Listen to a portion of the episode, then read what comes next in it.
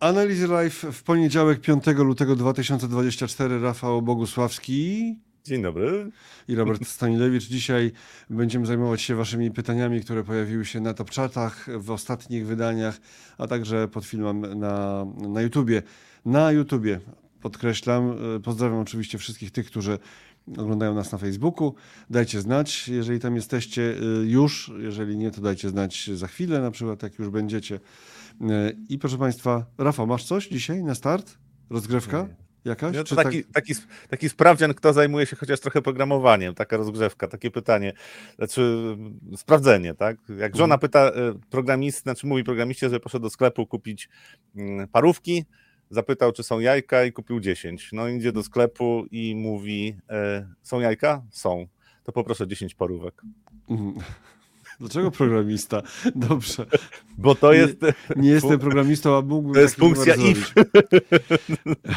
Funkcja if, tak? Mhm, Tak. Dobrze.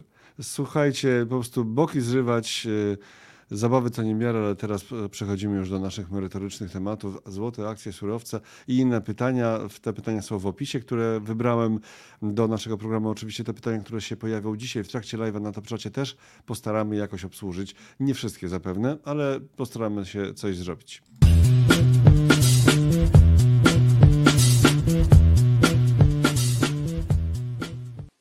Ale najpierw, zanim pytania, to okruchy z weekendu, okruchy sprzed weekendu tuż, bo nie mieliśmy okazji się do tego odnieść, więc e, szybko i nie za długo, szybko i w, w miarę Szybko. sprawnie, Szybko szybko. mam nadzieję, tak. Zaczynamy od uderzenia Amerykanów, które w ogóle w polskich mediach to się jakoś tak w ogóle nie, nie wiem, zauważyłeś, w takich mainstreamowych mediach, chociaż przyznam z szacunkiem, że fakty miały z tego jedynkę.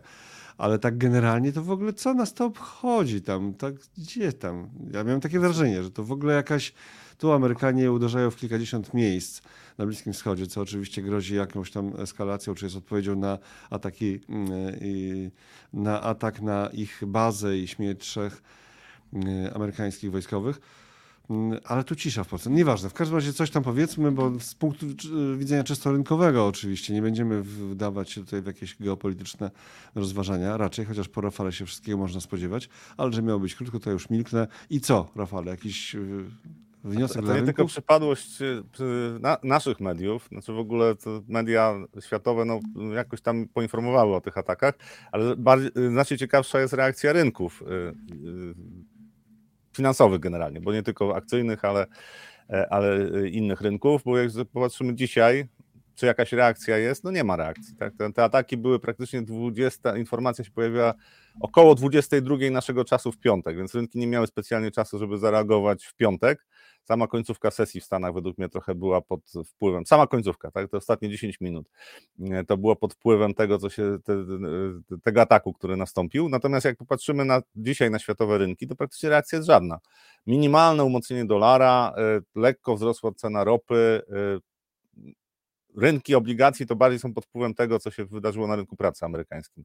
E, Więc praktycznie reakcja, reakcja rynków, jak popatrzymy na, na właśnie na światowe e, rynki akcyjne chociażby, to na kontraktach terminowych w handlu elektronicznym w Stanach Zjednoczonych tam są spadki rzędu 0,2%, tam było 0,03%, więc na taką informację to w zasadzie to reakcja jest żadna, a ryzyka tam na, e, w ogóle, jeżeli chodzi o region Bliskiego Wschodu, on się utrzymują na bardzo wysokim poziomie. Tylko to jest typowe, że po pewnym czasie, tak, jak już y, nic się nie dzieje, tak poza Gotowanie żaby. kolejny atak. Tak, Gotowanie kolejny żaby. atak. Ale poza tym też było dużo komentarzy, jak widziałem na, tam, na Twitterze, na Xie, przepraszam, że dużo komentarzy takich, które już tam oczekiwały, że to będzie atak wprost na Iran, na terytorium Iranu. Tak, tak, tak mam wrażenie, że były takie jakieś y, y, komentarze, że teraz to już tak. No tutaj jednak to nie było na terytorium Iranu, tylko gdzieś tam po okolicach. I poza tym jeszcze tam z, jakoś tam było komunikowane przez Stany, tak, że to nie było takie Znaczy, wyglą- zupełnie...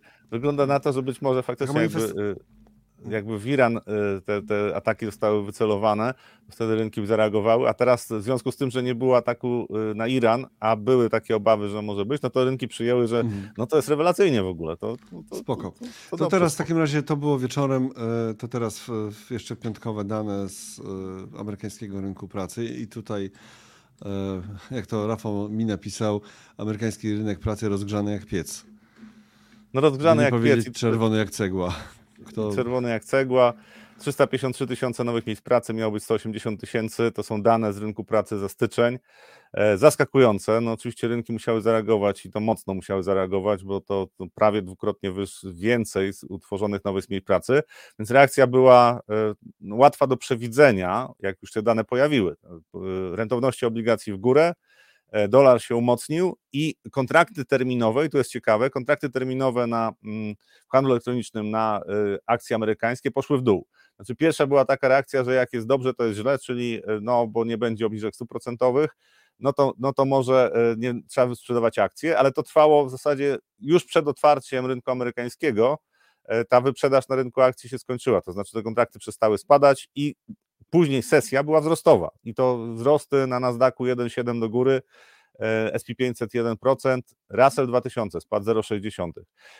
I te reakcje rynku pokazują też, co się co się dzieje, jak inwestorzy są nastawieni. Pierwsze, pierwsze na, na co bym zwrócił uwagę, że rynek akcji cały czas jest dość silny, bo y, pomimo takich danych, pomimo obaw, że Fed nie będzie obniżał stóp procentowych, pomimo wzrostu rentowności obligacji, rynek akcji nie spadł. Oczywiście dzisiaj może być reakcja spadkowa, bo to tak czasami bywa, że przy dużych emocjach to inwestorzy podejmują jakieś decyzje, potem zaczynają wyprzedawać e, portfel. Natomiast mimo wszystko rynek akcji jest dość silny. Natomiast to, co się dzieje na mm, rynku e, obligacji, no to ewidentnie tutaj ten, ten ruch e, pokazywał, że rozczarowanie jest duże, to znaczy oczekiwania na obniżki stóp procentowych w Stanach były, pomimo tego, że Powell schłodził nastroje i ta obniżka w marcu stała się mało prawdopodobna, to mimo wszystko było optymistycznie, to znaczy był, rynek wyceniał, że będzie przynajmniej tych pięć obniżek stóp procentowych w tym roku, tak, że, że po prostu zaczną od maja i po, będą szybkie obniżki, więc dziesięcioletnie obligacje zachowały się dobrze. E, w piątek było e, rozczarowanie, zimny prysznic, więc obligacji powyżej 4%, dzisiaj jeszcze dokładają trochę. E, to oznacza, że wyprzedaż na obligacjach no, ma się całkiem dobrze, a mimo tego rynek akcji, tak jak podkreślam, zachował się dość dobrze. Ostatnio korelacja była e, trochę inna, to znaczy jak spadały rentowności obligacji, to wtedy, e, czyli rosły ceny obligacji, to rosły również rynki akcji. Teraz wygląda na to, że inwestorzy trochę zróżnicowali te rynki i e, przyjęli, że jednak silny rynek pracy to oznacza, że gospodarka amerykańska wciąż nie jest w recesji, no to, to też nie ma powodów, żeby panikować, jeżeli chodzi o wyniki spółek w najbliższym czasie. Nie słyszę Cię, Robercie. I to tyle z tych okruchów, e, które zostały nam po mm, weekendzie jeszcze, tak? Czyli po piątku. I teraz co? Możemy ruszać do pytań e, od Was. Tak jest? Możemy, tak jest. Dobrze, okej, okay, dobrze. To w takim razie ja tutaj wypisałem złoty, e, akcje, surowce, pytania inne w opisach, to w opisie na YouTube i na Facebooku, to sobie może, możecie zobaczyć i na www.analizy.pl oczywiście, bo tam też jesteśmy dostępni. Czyli złoty najpierw. Proponuję. Złoty, no złoty. złoty? E, Bo złoty, to często. E, poprzedni tydzień, tutaj ewidentnie to jest kwestia tego, e, znaczy w ogóle tak, trzeba podkreślać za każdym razem, znaczy powinienem podkreślać za każdym razem, że przede wszystkim złoty to są przepływy kapitału związane z risk, off, risk, risk on na rynkach światowych. Czyli jeżeli jest dobry sentyment w ogóle na rynkach światowych, to złoty ma małe szanse, żeby się osłabiać, nawet jak się w Polsce dzieją różne dziwne rzeczy.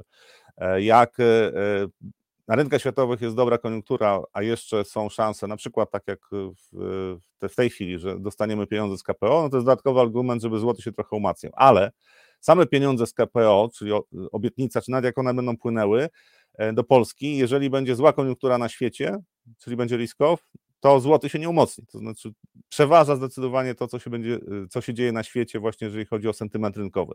I co się dzieje w ostatnim czasie na złotym? No, mieliśmy w ubiegłym tygodniu yy, yy, silne zachowanie złotego. To też widać było oczywiście napływ kapitałów na polski rynek. Y, WIG20 poszedł w górę. Bardzo dobry tydzień, ponad 5% y, wzrostu, jeżeli mówimy o WIG-20 e, przez tydzień, tak, no to nadrobiliśmy część strat do, do, do, do rynków y, przede wszystkim europejskich. Europejskie zachowały się słabiej niż polski, myśmy poszli w górę, no tutaj pretekstem mogły być zmiany w zarządu w spółkach Skarbu Państwa, ale to był pretekst, tak naprawdę po prostu napłynął kapitał, mieliśmy wzrosty. I y, złoty euro, euro PLN doszedł do poziomów 4,31. I tutaj jesteśmy 4,25, 4,35 to jest taka strefa, która według mnie jest bardzo potężnym e, obszarem wsparcia, fundamentalnym. To znaczy, jak były rozmowy o, o przyjęciu mm, euro, no to trzeba ustalić jakiś kurs. I były rozmowy, żeby ten kurs był na przykład w okolicach 4,40. Dość często ten poziom się pojawia. E, I między innymi dlatego, no patrząc fundamentalnie na, na, na siłę polskiej waluty, no to ten poziom trochę poniżej, te 4,30 to jest taki poziom, który według mnie będzie naturalnym, naturalnym e, poziomem wsparcia, jeżeli chodzi o euro. To znaczy te, te poziomy e, polska waluta może pokonać tylko w sytuacji, w której będziemy mieli naprawdę bardzo silną gospodarkę albo dość restrykcyjną politykę monetarną, także stopy procentowe będą e, również re, re, realnie dodatnie, czyli po uwzględnieniu inflacji, będą dużo wyższe niż w Unii Europejskiej, w strefie euro. E, to, co się wydarzyło w ubiegłym roku, czyli to silne e, umocnienie złotego, duże umocnienie złotego, no to jest reakcja oczywiście na e, też ograniczenie ryzyk na, na świecie. Znaczy postrzeganie inwestorów różnych ryzyk na świecie zmieniło się. Wojna Rosji z Ukrainą przestała być tym e, głównym ryzykiem, na które zwracali uwagę. Równocześnie mieliśmy hossę na, praktycznie na wszystkich rynkach akcyjnych poza Chinami, e, czyli był risk on. No i dlatego złoty się umocnił. Teraz pytanie jest takie, czy w najbliższym czasie pojawi się jakaś silniejsza korekta i czym się inwestorzy przestraszą na, na rynkach światowych, e, bo wtedy złoty się osłabi. Druga para walutowa, dolar złoty, ten będzie za, musi być bardziej zmienny. To znaczy, jak patrzymy na to, gdzie Polska jest położona, jak mam, jakie mamy połączenia, powiązania gospodarcze z, e, ze strefą euro, no to z, zachowanie e, złotego do, e, do dolara tak, będzie dwa razy bardziej zmienne niż zachowanie złotego do euro. Złoty często jest określany jako takie euro plus, jeżeli mówimy o o na przykład e, zachowaniu tej pary walutowej, czyli dolar PLN. I tutaj też e, znaleźliśmy się poniżej poziomów 4,40, poniżej 4 zł, było nawet tam 3,90 było w ubiegłym roku, jak był szczyt optymizmu. W ostatnim czasie testowaliśmy takie poziomy 3,95, 3,96, 3,97. To są takie poziomy, przy których wydaje mi się, że można spodziewać się, że będzie się pojawiał popyt na dolara. I znowu jesteśmy w takim, w takim okresie, w którym w mojej ocenie w najbliższym czasie dolar zacznie się umacniać, przynajmniej przejściowo. E, to, to też jak popatrzymy na e, indeks dolara, czy na zachowanie dolara do innych walut, no to widać, że jednak napływy kapitału do Stanów Zjednoczonych, e, one są dość duże, bo tutaj jak po, znowu, jak rozmawiamy o rynkach walutowych, E, zresztą w komentarzach to się pojawiało, to e, y, przyjęcie na przykład, że tylko różnica w stopach procentowych, poziomie stóp procentowych to jest ten czynnik, który sprawia, że dana waluta będzie się osłabiała albo będzie się umacniała, e, że jak wyższe stopy procentowe, no tam powinien płynąć kapitał, waluta będzie się umacniała, no jest błędne. To znaczy, jeżeli mówimy o rynkach walutowych, to tych czynników, które wpływają na siłę waluty jest kilka, między innymi siła gospodarki, między innymi przepływy kapitałów, jeżeli mówimy o parach związanych z dolarem, to risk on, risk off. Jeżeli, jeżeli jest risk off, E, to jest ucieczka do dolara, czyli dolar się umacnia. I teraz z tych poziomów w okolicach 4 zł, jeżeli zakładamy scenariusz, że złoty ma się dalej umacniać, to zakładamy scenariusz e, dobrej koniunktury na świecie. E, nic się nie dzieje w Europie, to znaczy tutaj nie ma żadnych negatywnych informacji, czy sama wojna jest negatywną informacją, ale nie ma dodatkowych informacji ze strony Rosji, tak, które mogłyby spowodować, że inwestorzy się przestraszą. E, i równocześnie gospodarka nie, nie wchodzi w recesję, to znaczy gospodarka europejska, nie tylko polska. I wtedy jest szansa na dalsze umocnienie złotego, chociaż wydaje mi się, że wtedy e, te poziomy, powiedzmy 3,75, no to naprawdę to już by musiało być bardzo dobrze w polskiej gospodarce i dość duży popyt na mm, aktywa bardziej ryzykowne. Ja spodziewam się raczej stabilizacji na tych poziomach przez pewien czas. Jak pojawi się korekta na rynkach e, akcyjnych czy rynkach bardziej generalnie bardziej ryzykownych aktywach, to umocni się dolar i po prostu ten ruch na, na tej parze dolar-PLN będzie dość silny. 4,25 wydaje mi się, że to jest e, do osiągnięcia w najbliższych dwóch, trzech miesiącach. E, I, I pytanie, czy nie będzie więcej, bo to z kolei jak popatrzymy na euro-dolara w takiej dłuższej perspektywie, to ostatnie miesiące to jest walka pomiędzy 1,70 1,11 w takich poziomach i cały czas jest praktycznie ten trend boczny jest utrzymywany. Na funt dolar jesteśmy po 1,26, 1,28, 1,29 w zasadzie na tych poziomach i tam w zasadzie są to trendy boczne. jeżeli nastąpi wybicie z tych trendów bocznych, ja zakładam, że w dół, czyli dolar się umocni, e, to wtedy przełoży się to momentalnie na e, złotego. To znaczy dolar złoty pójdzie w górę. Jak mocno?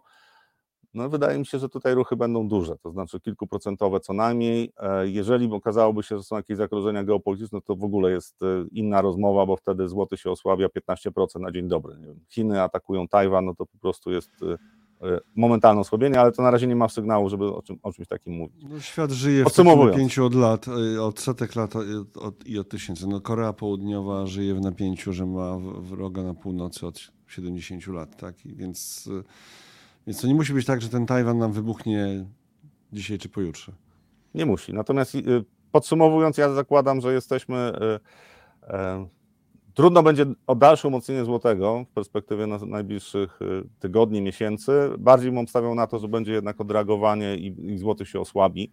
Pomimo tego, że w tej chwili większość zakłada, że y, no, skoro będziemy mieli jakieś pieniądze dodatkowe z Unii, to znaczy takie, które były wątpliwości, czy będą, czyli część pieniędzy z KPO, no to powinno być dobrze. I to jest opinia Rafała, proszę Państwa, drodzy i drogie, więc o właśnie, tak jak Agnieszka pisała do nas, dzień dobry. Więc to jest opinia Rafała, e, własne Wasze opinie. Czekamy na odpowiedzi na, na Wasze przemyślenia i Wasze opinie w komentarzach, oczywiście na to czacie teraz i pod filmami, jeżeli już nie oglądacie i nie jesteście z nami na żywo, zresztą z tych komentarzy pod filmami łatwiej wydobywać e, te pytania, które potem chcemy e, jakoś obsłużyć, czyli na które chcemy odpowiedzieć czy skomentować. I był jeszcze tutaj komentarz, który pokazywałem e, na temat tego, czy się kurs waluty, jak ma się do stóp procentowych, tak? Że to nie tylko e, no stop, stop, stopa procentowych też. To by było za proste. Paweł pisał. Mhm.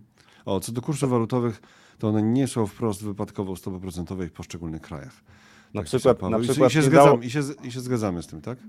Na przykład zupełnie by się nie dało wyjaśnić umocnienia jena z, z pierwsza połowa poprzedniej dekady, zerowe, a nawet ujemne stopy procentowe i umocnienie jena do dolara. Jak to wyjaśnić? No, tylko przepływami kapitałów, które wynikały tak, z innych zupełnie czynników niż, e, e, niż e, stopy procentowe. Więc stopy procentowe są tym dodatkowym czynnikiem. On czasami, jak jest grany przez rynek, to ma większe znaczenie, ale to nie jest to, co decyduje. Decyduje sentyment do danego obszaru, jeżeli mówimy o euro na przykład, to do danego obszaru, ale jeszcze siła gospodarki, no i jeszcze, jeżeli mówimy o parach związanych z dolarem, to zawsze jest ten risk off, risk on. To są takie mhm. czynniki, które bardzo mocno wpływają na e, notowania danej waluty. Było pytanie o tutaj, o właśnie tak. Skoro jesteśmy przy walutach, to teraz pytanie bieżące, a nie to wyciągnięte z Waszych poprzednich wpisów na Topczacie i pod filmem, pod filmami. E, NCWK dzisiaj pisał o 7.56 już. Panowie, może dziś parę słów więcej odnośnie kształtowania się kursów walutowych w krótkim, długim terminie. I tutaj i tutaj mamy przygotowany do tego akurat wątku indeks dolara. Proszę bardzo, Rafale, co byś powiedział o tym kształtowaniu się kursów walutowych w długim, krótkim terminie? Krótko te, krótkoterminowo po piątku mamy, mamy silny wzrost, to znaczy z takiej konsolidacji, y, która trwała kilka tygodni. No, y, y, ten indeks dolara doszedł dzisiaj do poziomu 104 prawie do poziomu 104. Y, to jest kontrakt na, na dolara, trochę poniżej tego poziomu 104. To jest indeks, tak? Czyli jak rośnie, to znaczy, że dolar się y, umacnia. E, tam y, dominuje euro, tak, jeżeli druga para walutowa, tak, czyli tą, do której porównujemy, to jest euro, funt, dolar australijski, nowozelandzki, jen, frank, przeciwwaga dla dolara w tym indeksie. Natomiast jeżeli popatrzymy na to, co się działo w, przez po, praktycznie połowę ubiegłego roku, plus jeszcze styczeń, to w zasadzie byliśmy na tych poziomach w okolicach 103, przepraszam, e, e, średnio, tak, przez e, mm, ostatnie miesiące to mieliśmy, jeszcze raz, bo od początku, od początku ubiegłego roku, jak wyznaczymy ten poziom 103, to mniej więcej to jest taka oś, wokół której następowały zmiany. Czyli początek ubiegłego roku do góry do 106, potem spadek do 102, potem wzrost znowu do 105, potem spadek taki poniżej 100, potem wzrost, wzrost do 107, e, znowu poniżej 101 i wróciliśmy poniżej tego poziomu. I na razie, patrząc na to, jak się zachowuje ten rynek, to można powiedzieć, że to jest taki szeroki trend boczny i krótkoterminowe trendy są zmienne, czyli co kilka miesięcy mamy zmianę tendencji. To wynika między innymi z zmiany Tutaj akurat duży wpływ też miało to, jakie były oczekiwania na mm, politykę Fedu. W lipcu jak popatrzymy na te minima na indeksie dolara, no to była zmiana, czy rynek został zaskoczony tym, że Fed naprawdę był znacznie bardziej jastrzębi i to jest dużo ważniejsze niż nominalny poziom stóp procentowych, to oczekiwania, co zrobi, e, co zrobi Fed. E, bo w lipcu e, rynki zostały zaskoczone tym, że Fed no, powiedział, naprawdę to oni są, oni są jastrzębi. I tu był szczyt na, w, szczyt na rynkach akcji w końcówce mm, lipca, lokalny szczyt. Równocześnie nastąpiła zmiana, znaczy zaczęły rosnąć rentowności obligacji również, no i od razu zaczął się umacniać dolar. Później oczywiście było grane na pivot Fedu, czyli osłabienie, mm, osłabienie dolara od listopada. Bardzo dobra koniunktura na rynkach e, akcji. Natomiast ostatnie styczeń tutaj przyniósł ciekawe, ciekawą zależność, bo okazuje się, że rynki akcji mogą rosnąć pomimo tego, że umacnia się dolar. I to jest jedna z rzeczy, która e, e, dla mnie jest interesująca w związku z tym, jaką ja mam perspektywę dla dolara na najbliższe lata, że y, dolar będzie się umacniał, będzie relatywnie silną walutą. Ja nie mówię o takich wahaniach krótkoterminowych, tylko że on stopniowo zacznie się umacniać, ponieważ nie będzie alternatyw. Znaczy nie ma alternatyw. Nie ma w zasadzie innej waluty, która mogłaby spełnić rolę e, waluty rozliczeniowej, też jeżeli mówimy o e, bankach centralnych, no to muszą mieć jakieś waluty, które kupują jako waluty rezerwowe. Dolar nie ma konkurencji. I to będzie powodowało przy sile gospodarki amerykańskiej, która jest znacznie większa niż na przykład strefy euro i to się będzie utrzymywało w najbliższych y, kwartałach. Tutaj nie sądzę, nawet jeżeli Stany będą hamowały, to Europa będzie hamowała bardziej. To znaczy, jeżeli w Stanach będzie spadek PKB 0,5%, e, to w Europie będzie, w strefie euro będzie 1,5%. To, to ja nie mam wątpliwości, że, że to jest najbardziej prawdopodobny scenariusz, więc przesłanek dla umocnienia dolara jest bardzo dużo, tylko, że może być jeszcze kilka miesięcy właśnie trendu bocznego, czyli tak naprawdę ten dolar oscyluje wokół tego poziomu 103, E, idzie jeszcze w górę przez pewien czas, tak, i później jest e, spadek notowań dolara, później może być znowu zmiana tendencji. Natomiast e, jeżeli ten scenariusz, o którym mówię, będzie się realizował, czyli Fed będzie miał szansę utrzymać po pierwsze trochę wyżej stop procentowe, bo będzie silna gospodarka i dodatkowo napięcia na rynkach światowych związane z geopolityką się nie zmniejszą, to dolar będzie się umacniał. Znaczy w perspektywie dwóch, trzech lat uważam, że dolar pokona ten poziom 107, jeżeli mówią o indeksie, euro spadnie poniżej parytetu mm, z dolarem, czyli poniżej 1 e, do 1 e, i e, wtedy pewnie zacznie, inwestorzy zaczną dostrzegać, jak, jak zachowuje się gospodarka, kiedy właśnie dolar się zaczyna umacniać. Natomiast to, że dolar się umacnia i rynek akcji amerykański idzie w górę, czy w ogóle jest niezła koniunktura na, na, na rynkach światowych akcyjnych, e, to nie jest ewenement. To znaczy, są, były okresy w historii, kiedy dolar się umacniał i e, rynek akcji szedł w górę. Natomiast e, jeżeli dolar się umacnia, to rynek akcji w Stanach Zjednoczonych jest i w ogóle rynki światowe, bo idą wtedy za rynkiem amerykańskim, są bardziej podatne na większe korekty. To znaczy te umocnienie dolara powoduje, chociażby ze względu na to, że ponad 40% przychodów spółki z SP500 mają za granicę, tak, no to powoduje, że zaczyna być presja na, e, na umocnienie, e, na, na osłabienie przychodów tak, czy, czy zysków firm ze względu na umocnienie dolara. I teraz tu było pytanie od jednego z widzów, kiedy ta korekta na rynku amerykańskim. No to jest jeden z czynników, który ja w styczniu widzę, znaczy widziałem to już od grudnia, że dolar się umacnia. Teraz jest kolejny element, czyli e, rentowności obligacji ponownie wzrosły i to są takie przesłanki do tego, że korekta może się pojawić w dowolnym momencie i może być dość szybka. Natomiast nadal jeszcze nie widzę, żeby był to koniec hossy, to znaczy na rynku amerykańskim, jeżeli mówimy o rynku akcyjnym, to koniec hossy według mnie jeszcze, jeszcze mamy sporo czasu.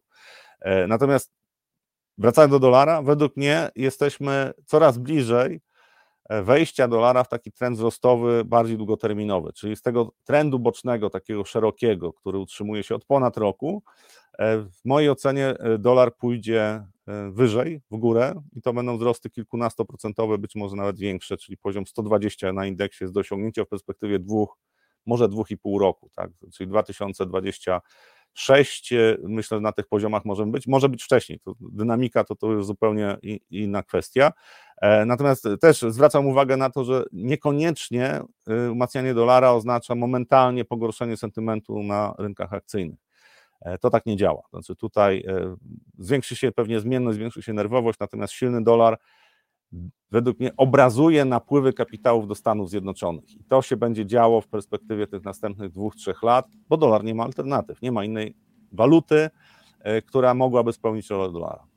Okej, okay, lecimy dalej z pytaniami. Teraz tymi, które wybraliśmy z poprzednich komentarzy, z poprzednich top chatów i z komentarzy pod filmami. E, czyli teraz będzie e, na przykład o dolarze i Stanach. Tutaj pytań nie, nie. Przy dolarze byliśmy, to teraz będą pytania o Stanach. E, na przykład, czy przy tak wysokich wycenach akcji w USA i ciągnięciu indeksu przez 7 największych spółek, tak jak wchodzenie w tym momencie w indeks S&P 500 i lub Nasdaq jest sensowne? No i tam dalej, bo ciągle dalsze pytania to się nie mieści już tutaj na grafice, e, że przy takich wycenach nie jest, czy nie jest za dużo ryzyko, czyli tak powtórzenie w innej formie tego, co jest w tym pytaniu. A potem będzie o małych spółkach amerykańskich. No to właśnie, bo można to połączyć, y, y, bo tak, jeżeli patrzymy na zachowanie y, indeksów, czy zachowanie spółek w Stanach Zjednoczonych, to te siedem największych spółek, no one ciągną indeks. To znaczy, jak popatrzymy na e, SP500, taki normalny indeks, no to on od początku roku sobie rośnie e, i od grudnia też rośnie. Natomiast jak popatrzymy na fundusz, e, który inwestuje w mm,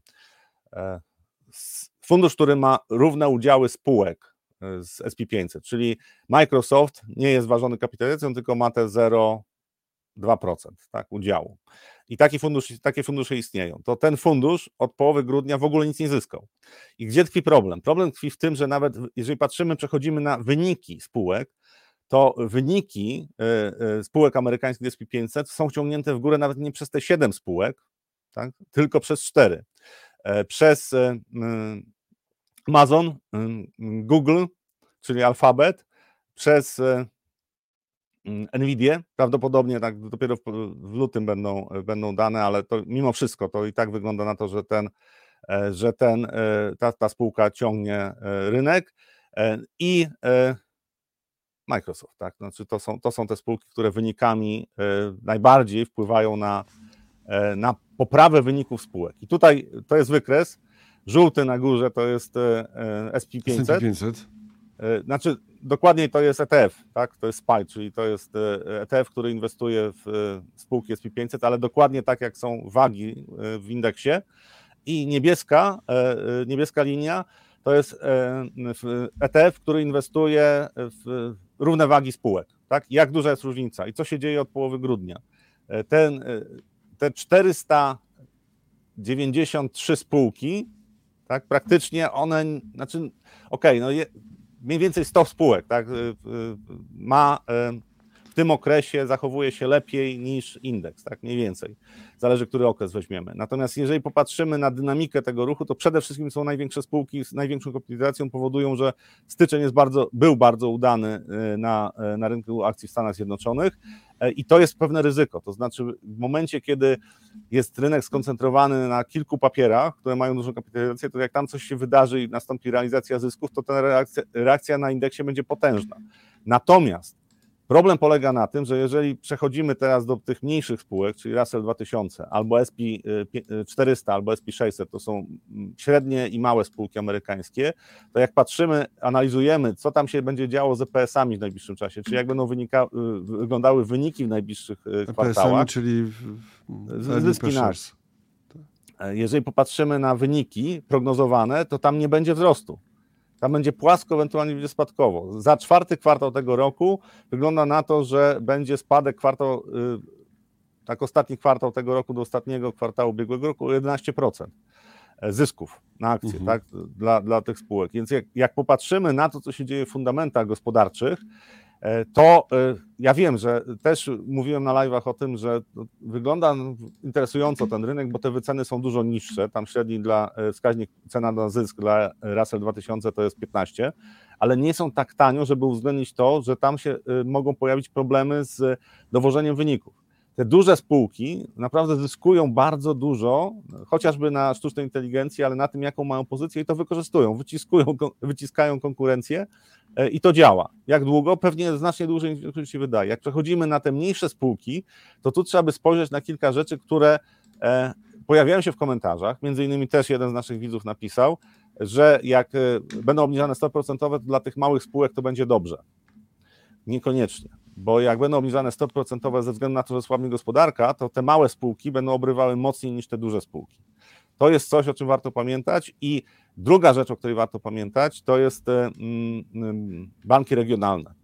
Według mnie tam zaczynają się problemy. Znaczy, patrząc na notowania poszczególnych banków regionalnych. To coraz... półtora roku chyba, czy rok. Nie, nie, bo to wszystko ma swoją dynamikę. Znaczy to, że e, jak był e, w marcu ubiegłego roku, jak był kryzys banków regionalnych, tak, e, i w Stanach Zjednoczonych, i to się potem stało się modne, tak, i były obawy, że to jest w ogóle coś, co początek sytuacji, jaka była po upadku Limana, to ja mówiłem o tym, że nie, wszystko ma swoją dynamikę i to jest za szybko. To znaczy, tam będzie, będą kroplówki, pójdą dla banków w postaci tych 150 miliardów dolarów.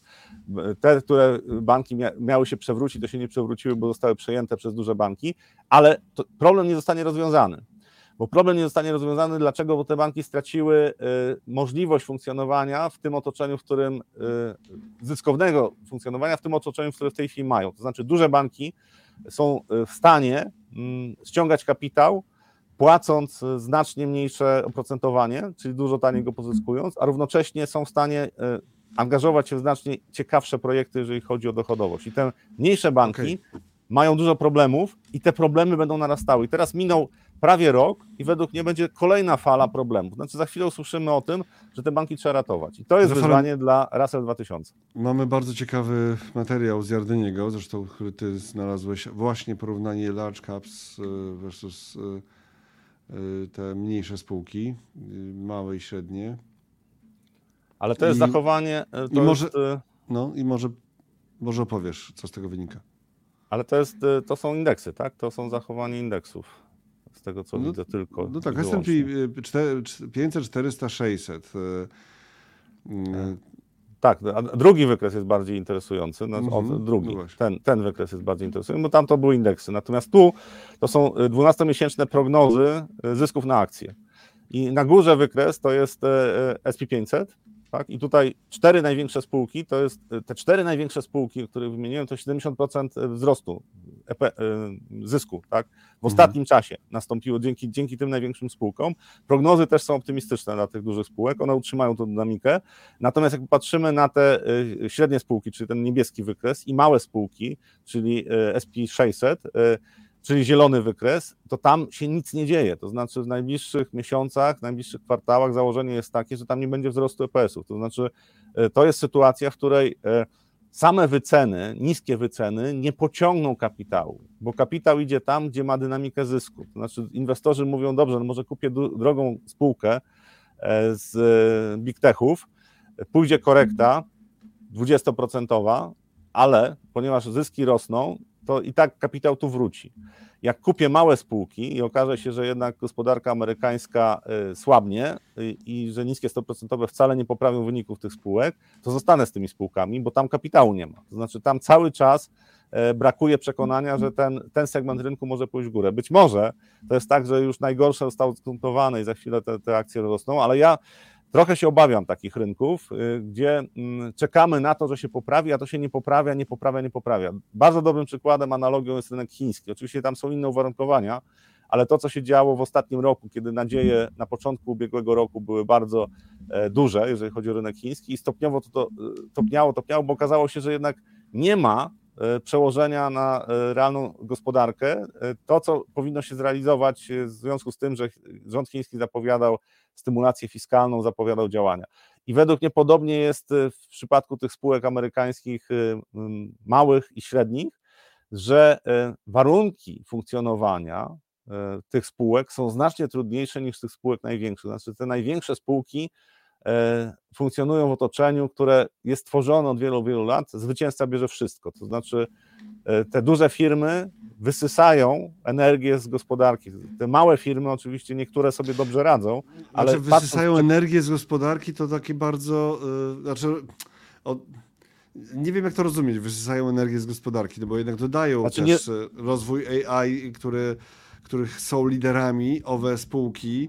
To nie jest wysysanie energii, ale rozumiem, chodzi o to, że to porównanie one... między one wysysają energię z rynku, dzięki temu rosną, ta energia nie znika, Natomiast to, co wysysają z gospodarki, zwiększa ich kapitalizację i ich wyniki. Natomiast wysysają tą energię i jej jest mniej dla innych spółek. Znaczy, tym mniejszym firmom jest coraz trudniej funkcjonować. I to jest proces, który postępuje od co najmniej 10 lat. Co najmniej od 10 lat. Ale ja to obserwuję. Coraz trudniej funkcjonować w sensie wycen rynkowych, tak? Czy w sensie. Ale też wyników realnej gospodarki. Wyniki mówią jednoznacznie, jak popatrzysz na te wykresy tutaj, oczywiście po 2020 to, to odbicie tych EPS-ów, taki wzrost, no to oczywiście było pochodną tego, że e, ludzie dostali pieniądze za nic. Znaczy, gigantyczna stymulacja fiskalna popytu e, i e, możliwość poprawy wyników bardzo duża, natomiast to, co się działo wcześniej, to jak popatrzymy na, e, zwłaszcza na małe spółki, to jest e, problem. To znaczy, tempo wzrostu tych zysków było zdecydowanie niższe niż e, tempo wzrostu zysków największych spółek. A w tej chwili wygląda na to, że weszliśmy w taką fazę, gdzie te duże spółki, na przykład sztuczna inteligencja, to w ogóle promuje tylko te duże firmy. Bo żeby to w pełni wykorzystać, oczywiście kilka mniejszych firm może skorzystać, ale to nie będzie tak, że będzie grupa takich firm, które bardzo na tym skorzystają. Nie. E, pociągną zyski z tego największe firmy, na przykład Amazon, tak, pewnie Alphabet, pewnie Nvidia, a mniejsze firmy, nie, one będą po prostu podwykonawcami, tylko będą miały problemy, żeby Ale poczekaj, ale mniejsze firmy będą korzystać ze sztucznej inteligencji. Są takie szacunki, że sztuczna, że sztuczna inteligencja generalnie podniesie efektyw, wydajność o 40%, przy czym internet podniósł zaledwie o 10%, a elektryczność kiedyś podniosła zaledwie o 30%. Więc e, tutaj, ale słuchaj, dobrze, ja wiem, wrzucam znowu pogląd, który spowoduje, że ty e, przedstawisz teraz przez 15 minut kontrpoglądy, a mamy jeszcze dużo pytań. To może zostajmy już na tym poziomie e, rozbieżności. Protokół rozbieżności mamy, tak, ale może już zostajmy z tym protokołem rozbieżności i idźmy dalej. Dobrze, jak sobie życzysz? Ja bardzo zgodny jestem.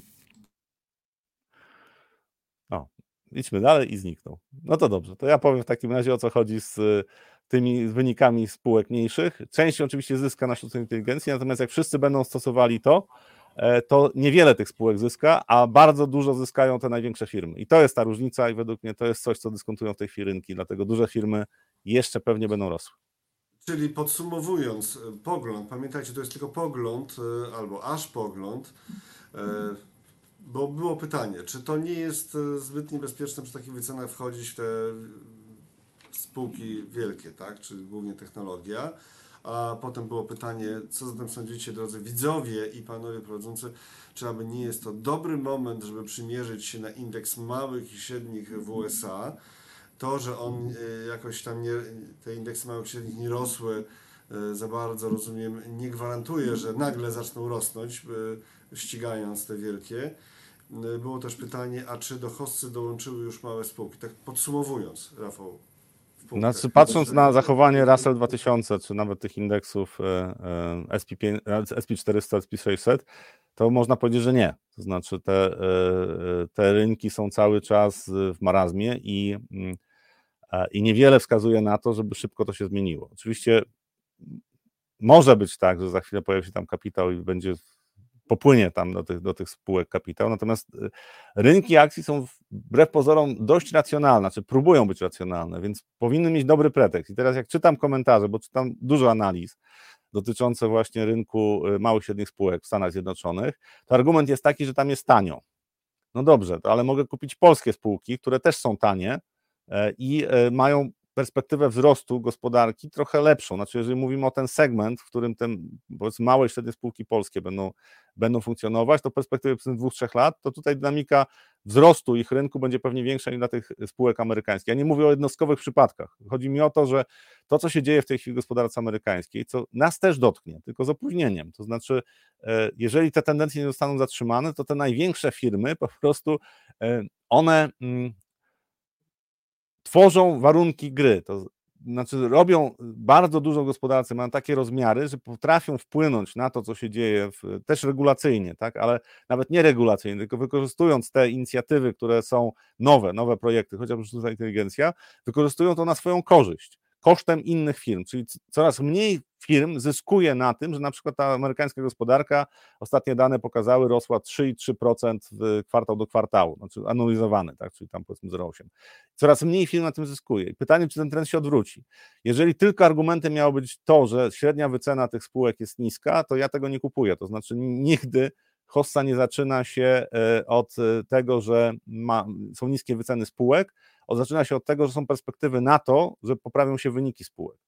I tutaj według mnie nadal y, najbardziej prawdopodobny scenariusz dla Russell 2000 to jest trend boczny, szeroki, być może jeszcze jakiś ruch wzrostowy, jeżeli będzie dobry sentyment, natomiast ze względu na to, że dynamika zysków będzie za mała, to my wrócimy do tych wycen, ta wycena 15, tak, PDE, jeżeli popatrzymy z perspektywy tego, że te zyski nie rosną, czyli EPS-y zostają na tych samych poziomach, to po co kupować takie spółki? Skoro ja mogę kupić e, obligacje krótkoterminowe amerykańskie, będę miał rentowność ponad 5%, stopę zwrotu ponad 5%, tak? po co mam kupować e, te spółki, które mają EPS na poziomie, PDE na, wskaźnik na poziomie 15, tak? czyli tak naprawdę e, nie jestem w stanie zarobić dużo więcej kupując takie spółki niż e, kupując, e, kupując obligacje skarbowe. To, jest, to są takie pytania. Oczywiście jak argument, że jak zaczną spadać stopy procentowe, to te spółki będą miały mniejsze koszty, zgadzam się. Tylko pytanie, e, co będzie powodem spadku stóp procentowych? Czy to, że inflacja pozostaje pod kontrolą, gospodarka jest silna i Fed po prostu ma miękkie lądowanie i faktycznie to jest scenariusz dla tych małych spółek ok, czy w związku z tym, że gospodarka amerykańska zaczyna hamować, to FED obniża stopy procentowe. Jak gospodarka amerykańska zaczyna hamować, to te spółki z Russell 2000, one e, oberwą wynikowo mocniej niż te największe spółki. Niższe są wyceny, więc spadki pewnie nie będą większe niż spółek z, z SP500 czy z Nasdaqa 100, natomiast i tak będą. I to, to są takie dylematy, na które, znaczy ja patrzyłem na te spółki, przeanalizowałem dużo spółek z Russell 2000, około 40 spółek przeanalizowałem, oczywiście wykorzystując Yahoo i inne, mm, i inne firmy analityczne, e, bo sam tych analiz nie, nie prowadziłem, przeczytałem, e, zrozumiałem o co chodzi i uważam, że e, biorąc poprawkę też na ten sektor banków regionalnych, który w tym roku, w najbliższych miesiącach według mnie znowu pokaże problemy, to nie oznacza końca gospodarki amerykańskiej, absolutnie. Natomiast oznacza problemy, to biorąc to pod uwagę, to Russell 2000, czyli te mniejsze spółki, według mnie to nie jest e, ten mm, segment rynku, który będzie grany. Będą grane inne obszary, według mnie niekoniecznie największe spółki, ale też ze spółek technologicznych będą grupy spółek, które będą traktowane jako beneficjenci tego, że na przykład potrafią się odnaleźć w jakimś segmencie rynku, który funkcjonuje e, poza kontrolą tych największych spółek y, technologicznych. No i pytanie oczywiście, czy mam rację, bo to jest mój pogląd, mogę się mylić. Dziękujemy bardzo za e, wrzutkę od Marcina, o, 50 zł, tak, bardzo ładnie, dziękujemy bardzo. E, I idziemy dalej, czy, czyli ten wątek już sobie, mm, jest tu parę komentarzy do tego wątku, ale wybaczcie, o, to Marcin, rzadko mam okazję słuchać na żywo, cieszymy się, że teraz się udało. E, to teraz też Jardeniego, polecamy oczywiście Jardeni.com, zawsze bardzo ciekawe materiały i przechodzimy do kolejnych pytań. Ja patrzę na te pytania e, i chyba już trzeba, trzeba zmierzać do polskiego rynku. Jeszcze o, e, jeszcze o walutach będzie. Tutaj jest takie pytanie, było, pojawiło się gdzieś. Ja po drodze, czy na czacie, czy pod filmem, tutaj tego nie zaznaczam. Też nie użyłem też waszych ników czy imion. Ograniczenia graficzne w pokazywaniu tych belek. Jest pytanie o funta do dolara, czy jest jako barometr traktowany na półkuli północnej. Za chwilę o tym. To teraz w takim razie jeszcze zanim przejdziemy do warszawskiej giełdy, to teraz jeszcze sąsiad. Jest ta dystrybucja na DAX czy nie? Rafale, czy jest ta dystrybucja na DAX czy nie? Co to w ogóle znaczy dystrybucja na DAX? E, dystrybucja następuje wtedy, jak duży inwestorzy stopniowo pozbywają się mm, akcji i w związku z tym, że są dużymi inwestorami, no to najczęściej obroty na rynku nie pozwalają im wyjść z całej inwestycji na jednej sesji. To często zajmuje tygodnie, żeby pozbyć się e, z portfela spółek. I wtedy mówimy o dystrybucji. Tak? Czyli duzi inwestorzy sprzedają akcje tym mniejszym inwestorom. W takich okresach najczęściej e, jest jakaś zmienność rynku, natomiast nie ma już trendu wzrostowego. I teraz e, tu jest wykres DAX-a za 3 lata. W 2021 roku, od połowy roku mniej więcej, mieliśmy taką e, konsolidację pomiędzy 15-16 tysięcy. To jest całkiem, całkiem duża zmienność, tak? No to tam 7, 6%, tak? ponad 6%, 7% zmienności. No wydaje się no to duża zmienność, ale tak naprawdę to jak popatrzymy, co się działo, no to się działo tak, że powyżej 15,5 tysiąca punktów można przyjmować, że duzi inwestorzy po prostu wyprzedawali z portfela e, akcje.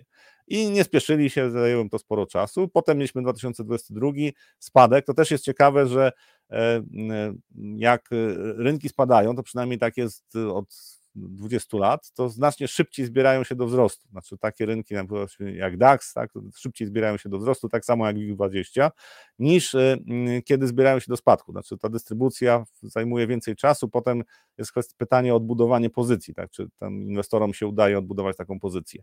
Natomiast co się dzieje w 2023 roku? Y, rynek zatrzymał się na poziomie 16 tysięcy punktów i w, do października, od połowy roku mniej więcej nastąpiła korekta, bardzo szybki wzrost, pomimo złych danych gospodarczych. Znaczy, tu nikt nie ma wątpliwości, że dane gospodarcze z Niemiec e, są złe i raczej nie będą dobre, natomiast e, spółki, które są w indeksie DAX 40, bo on się rozmnożył, tak, było 30, teraz jest 40 spółek, niektóre z nich e, można wyjaśnić, tak, wytłumaczyć, dlaczego te spółki rosną pomimo słabej gospodarki niemieckiej, po prostu źródła przychodów mają w innym miejscu i plus oczywiście dobra koniunktura na rynku amerykańskim. I teraz jest pytanie takie, czy mm, po tych wzrostach, które nastąpiły do grudnia, E, jesteśmy w fazie dystrybucji. Według mnie tak, to znaczy teraz 17 tysięcy punktów według mnie to jest tak, taki poziom, być może to jest bariera nie do pokonania, a być może będzie tak, że rynek będzie wychodził na chwilę powyżej tego poziomu, a potem będzie się cofał, a gdzieś tam za kilka miesięcy czeka nas jakaś korekta. Dlaczego?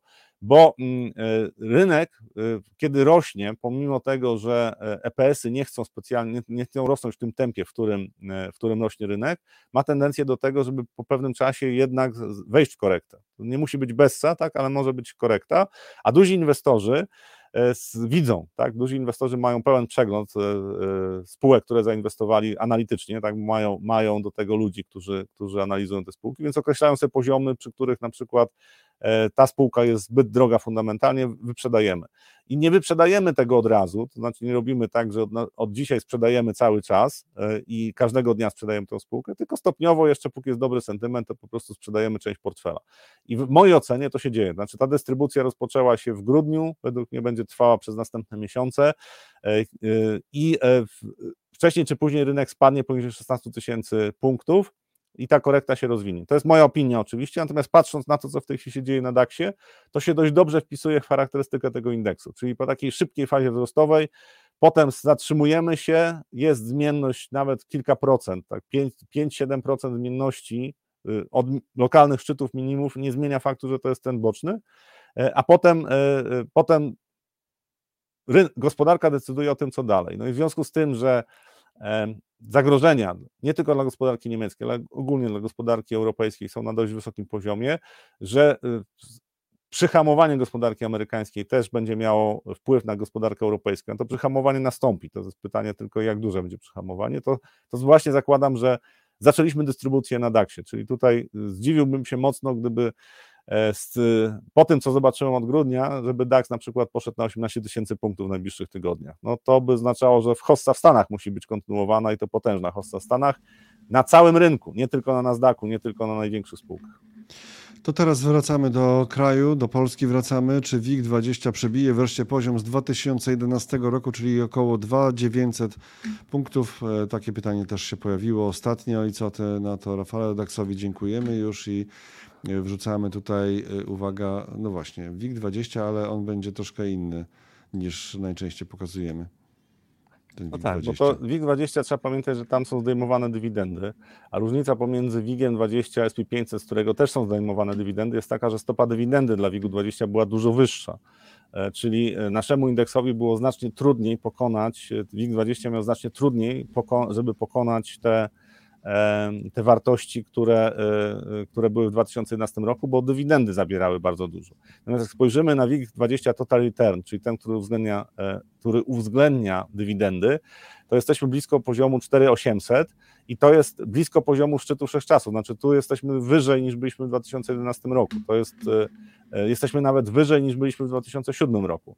I to warto brać pod uwagę, jeżeli mówimy o polskim rynku, że w związku z tym, że w WIG-u 20 w poprzedniej dekadzie, zwłaszcza pierwsza połowa, to były przede wszystkim spółki dywidendowe, to znaczy tam jak struktura tego WIG-u 20, bank, banki KGHM, generalnie to były spółki, które e, płaciły bardzo wysokie dywidendy. Stopa dywidendy dla WIG-u 20 przekraczała, były lata, przekraczała na 4%. Co oznacza, że y, ja zyskiwałem, natomiast na indeksie WIG20 tego nie widziałem. Jak popatrzę na ten total return, to Robert tutaj pokazał od y, to, 20 tak. lat, jak wygląda. No i widać, że jesteśmy wyżej niż byliśmy w 2007 roku. Oczywiście to nie jest tak imponujący wzrost jak SP500, w Stanach Zjednoczonych, bo tam było 1500 punktów niecałe w 2007 roku. Jesteśmy na poziomie 5000 punktów, ale mimo wszystko no ten indeks nie wygląda tak koszmarnie jak 20. Więc e, pytanie, czy pokonamy e, poziom z 2011 roku, czyli 2900, w mojej ocenie tak. To znaczy też zmieniła się trochę struktura tego, e, tego indeksu, ale też ja zakładam, że wzrost gospodarczy będzie na tyle silny, i y, postrzeganie Polski na tyle atrakcyjne, że w perspektywie powiedzmy dwóch lat y, jesteśmy w stanie do tych poziomów dotrzeć. Nie wiem, czy je pokonamy, ale z punktu widzenia właśnie y, całej stopy zwrotu z inwestycji, to ja bym patrzył na WIG20 total return, no i tutaj te zyski są trochę bardziej imponujące, tak? znaczy to, to faktycznie wygląda dużo lepiej. No właśnie, to może warto, wiesz co, pokazać też obydwa indeksy, czyli golutki WIG20 e, na jednej planszy z WIGiem 20 e, Total Return i proszę bardzo, to wygląda na przestrzeni tych 20 lat właśnie w ten sposób, jak widać. E, WIG20 Total Return to ten górny indeks, oczywiście ten pomarańczowy, tak? Niebieski to WIG20 golutki, że tak powiem. Golutki, no i, tak... no i to jest głównie różnica w dywidendy, tak, wypłacone dywidendy przez spółki z WIG-20. Tak, tak zmieniają obraz e, e, mhm. indeksu. Mhm. Tak. A jakbyśmy wrócili do samego WIG-20, to bo to było pytanie o WIG-20 sam i 2900. E, w takim razie to też jeszcze na chwilę pokażę ten wykres bez żadnej porównywarki za momencik. To, to znaczy, 20... tak, czy, w ogóle, czy w ogóle w takim razie y, warto się skupiać na WIG-u 20 jako takim, takim właśnie tym podstawowym? Czy to w ogóle ma sens? Znaczy, według mnie lepiej patrzeć na WIG, e, e, MWIG i SWIG, znaczy na te indeksy patrzeć, bo tutaj z punktu widzenia też inwestowania w fundusze to są dużo większe szanse, żeby zarobić sensowne pieniądze. Natomiast jeżeli chodzi o sam WIG 20, E, to w związku z tym, że jak e, dywidendy są wypłacane, to oczywiście wartość spółki się zmniejsza, znaczy oni mają mniej kapitału, to, to ma sens patrzenie na WIG20, na poziomy, które są istotne. I teraz takie poziomy, które są istotne z punktu widzenia inwestora, to są dwa, pomiędzy 2400 a 2500 e, i to widać. W poprzedniej dekadzie kilkukrotnie ten indeks zatrzymywał się na poziomie 2,5 tysiąca. I teraz według mnie też tutaj będą żeby szybko pokonać ten poziom, to według mnie będzie problem. To znaczy, e, te spółki nie są aż tak dynamiczne, jeżeli popatrzymy na WIG20, e, bo tam są banki, tak, Dino ma teraz drobne problemy związane z tym, że rosło bardzo szybko i e, to w podręcznikach do teorii zarządzania są opisane, kiedy się kryzysy w firmach pojawiają, co wymaga pewnych działań. To nie oznacza, że ta firma upadnie, tylko będzie musiała sobie poradzić z pewnymi wyzwaniami, które e, model, model wzrostu osiąga już takie granice, że będą musieli coś wymyślić nowego, żeby rosnąć w tym samym tempie, w którym rośli wcześniej, a koszty im trochę pójdą w górę. Ale to na marginesie, tak? Generalnie te spółki, które są w WIG-u 20, to nie są, e, to nie są takie spółki bardzo mocno wzrostowe, jak na przykład spółki e, technologiczne w Stanach Zjednoczonych. I, i to jest też bolączka tego indeksu, że jeżeli będą banki na przykład wypłacały dalej dywidendy, y, to y, za chwilę wchodzimy w sezon wypłaty dywidend i znowu ten indeks zamiast rosnąć będzie spadał, tak? zakładając, że tam nie będzie dynamicznej hossy, tylko po prostu rynek będzie szedł w trendzie bocznym, a popatrzę na WIG20, a on traci na wartości. Dlaczego? No bo na przykład PKO wypłaciło dywidendę. No i, i co? Orlen wypłacił dywidendę. No nie wiem, czy wypłaci, tak? Bo może będzie teraz, e, w związku z tym, że będzie audyt robiony w firmie, to na wszelki wypadek nie będą płacili dywidendy, ale to na razie jeszcze tego nie wiemy. Ale jeżeli będą dywidendy, to znowu y, lato, ewentualnie jesień to jest okres, kiedy indeks straci nie wiem, 2-3%, może 4%, straci tylko z tytułu tego, że zostaną wypłacone dywidendy. No dobrze, Rafale, to teraz zostając przy WIG-20 w pewnym sensie, co z KGHM? Tam też od dawna szału nie ma. Było takie pytanie. KGHM przede wszystkim zależy od cen miedzi na rynkach światowych, też w pewnym stopniu od cen srebra ale bardziej od cen miedzi. Natomiast y, y, tutaj w krótkiej perspektywie, jak mówimy o KGHM-ie i cenach miedzi, e, no to rozczarowanie, jeżeli chodzi o rynek miedzi, to przede wszystkim są Chiny, czyli problemy na rynku nieruchomości. Rynek nieruchomości w Chinach pochłaniał ogromne ilości miedzi, e, a w tym w ubiegłym roku nie było odbicia gospodarki chińskiej, więc e, analizy pokazują, że była nadwyżka podaży więcej 170 tysięcy ton e, w skali roku była nadwyżka podaży. Przy 24 ponad milionach tak, popytu, no to, to, to nie wydaje się dużo, ale to schładzało nastroje na rynku miedzi. I mamy praktycznie ubiegły rok, no to poza, e, poza e, końcem 2022 i początkiem 2023, gdzie było oczekiwania, że jak Chiny, mm, jak Chiny odejdą od polityki zero COVID, no to tam gospodarka po prostu wystartuje E, tak jak rakieta e, na Marsa, no okazało się, że nie. I bardzo szybko rynek wrócił do marazmu. Ten marazm się utrzymuje od prawie roku. Jesteśmy w okolicach, to są, e, to, to nie jest kwestia tylko KGHM-u, to się przekłada na kurs miedzi. Znaczy, jak popatrzymy na kurs miedzi, to on wygląda podobnie. Tam jest konsolidacja od ponad, ponad roku. I tutaj też oczekiwania na, na, na dobrą koniunkturę na rynku miedzi rozczarowały. Pytanie, y, jeżeli chodzi o KGHM, ja zakładałem, że KGHM będzie szedł szybciej w stronę 200 zł, że nawet tam 250-300 zł może być y, kurs warty. Wynikają to z y, zapotrzebowania długoterminowego na miedź. E, I nadal uważam, że zapotrzebowanie na miedź będzie rosło w tempie większym niż możliwe wydobycie, czyli w perspektywie kilku lat ceny miedzi pójdą w górę, KGHM prawdopodobnie też pójdzie w górę, tylko pytanie, jak KGHM był zarządzany przez ostatnie lata. Bo też pytanie, jak duże koszty, y, jak bardzo zostały rozdmuchane koszty w KGHM-ie i czy y, wzrosty cen miedzi na przykład do 15 tysięcy e, dolarów za tonę e, spowodują, że y, KGHM będzie w stanie osiągnąć kurs 300 zł? To jest takie pytanie dotyczące fundamentów tej spółki. Znaczy, co się dzieje, dzieje w spółce, co się działo w ostatnich latach? Tego nie wiem, bo nie analizowałem tak dokładnie.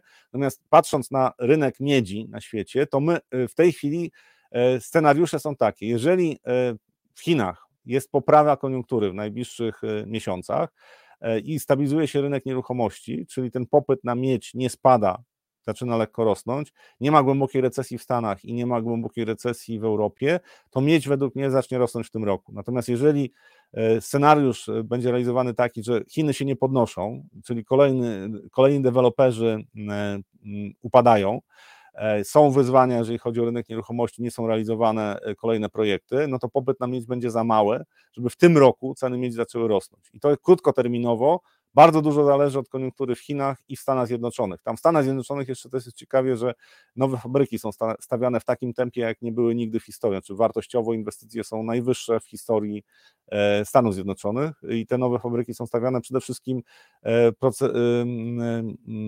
procesory, tak, mikroprocesory i w ogóle ten, część informatyczna. Co ciekawe, ten wielki projekt stymulacji, który został uchwalony, i 53 miliardy dolarów, które miało pójść właśnie na, dla producentów mikroprocesorów, czy rozwój całej tej branży, to w zasadzie jeszcze nie został uruchomiony. To znaczy te pieniądze się pojawią, e, więc niektóre firmy inwestują, bo wiedzą, że dostaną takie pieniądze, ale tak naprawdę to jeszcze e, nie wpłynęło na rynek, więc e, te, te poziom inwestycji budowlanych też będzie dość, dość duży, ale najważniejsze rzeczy, które będą się działy, to jest związane z przechodzeniem gospodarki na tą bezemisyjną, czyli zieloną gospodarkę i nie mówię o samochodach elektrycznych, bo według mnie ten projekt e, nie, nie będzie się rozwijał tak, jak w tej chwili e, większość zakłada, czyli nie będzie takiego sukcesu, ale mówię o produkcji energii elektrycznej, która musi zacząć rosnąć i przechodzeniu stopniowo na większą liczbę urządzeń elektrycznych. W wielu, wielu obszarach, w których to się da zrobić.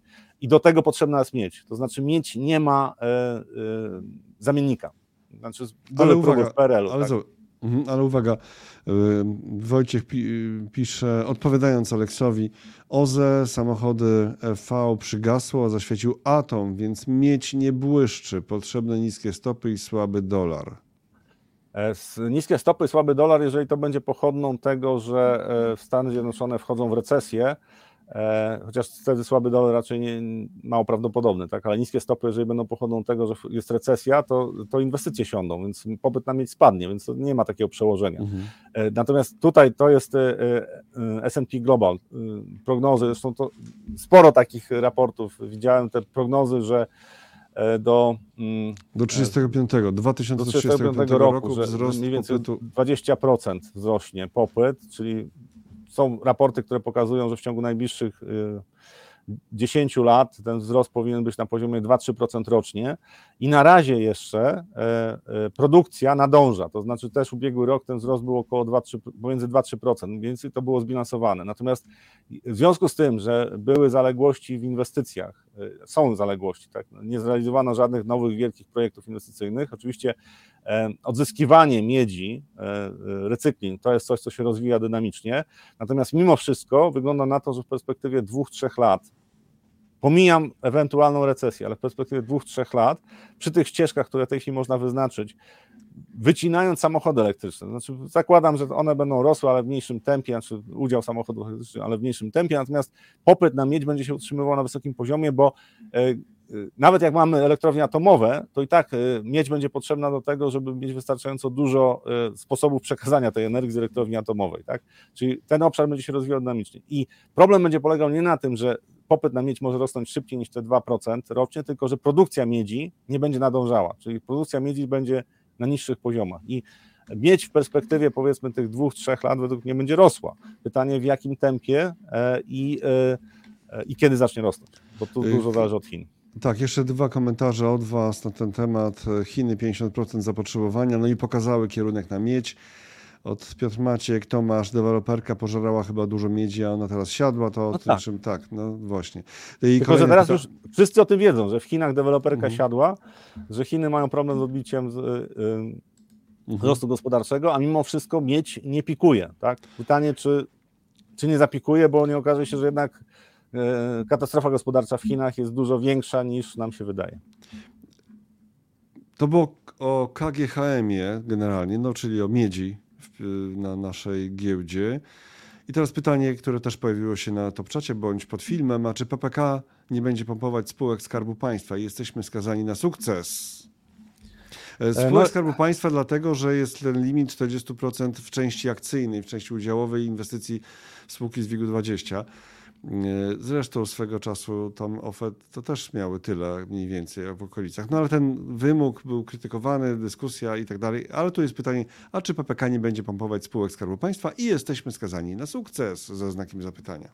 No i tutaj jest oczywiście PPK, to jest popyt, który ma być z założenia dość stały. Znaczy ja zakładam, że mimo wszystko część ludzi jeszcze się przekona do tego e, programu i będą, e, wezmą w nim udział, e, czyli, czyli te przychody firm prowadzących PPK będą rosły, znaczy kapitały będą płynęły, mhm. natomiast to jest tylko 40% części akcyjnej. E, co oznacza, że to nie jest tak, że z tych pieniędzy, które tam napływają do PPK, to całość, z całości bierzemy 40%, bo zgodnie z tymi mm, e, stylami zarządzania, czy tak poszczególnymi, e, poszczególnymi funduszami, które mają ze względu na to, jaki wiek osiągnął klient, to mają strukturę aktywów różną. Tak? Te najbardziej agresywne mogą mieć do 80% akcji w portfelu, no ale te najmniej agresywne mogą w ogóle nie mieć e, akcji w portfelu. Więc to nie jest tak, że tutaj całość pieniędzy, które płynie do PPK, to 40% z tego jest WIG20 inwestowane. No nie jest. I to jest jedna rzecz. Natomiast większym problemem według mnie jest to, że nie został rozwiązany problem OFE, a w zasadzie zasady suwaka przede wszystkim, ponieważ OFE tak czy inaczej umiera. Znaczy po tych zmianach, które zostały wprowadzone e, przy od 2011 wszystkie zmiany, które zostały wprowadzone, zmierzają do tego, że ten program umrze śmiercią naturalną, to znaczy te pieniądze staną wcześniej czy później wypłacone, co oznacza, że mm, e, e,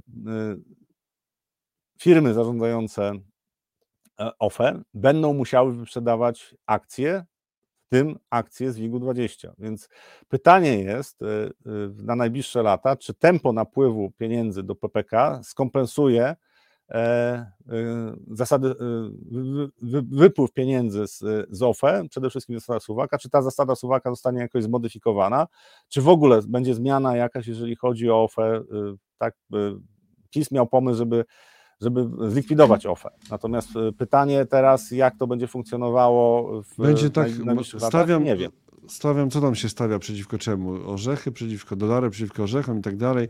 To stawiam, że nic się nie będzie działo, że to będzie tak sobie po prostu turkotało. Nie wierzę, żeby Donald Tusk chciał mieć cokolwiek wspólnego z, z OFE dług, przez długie, długie lata.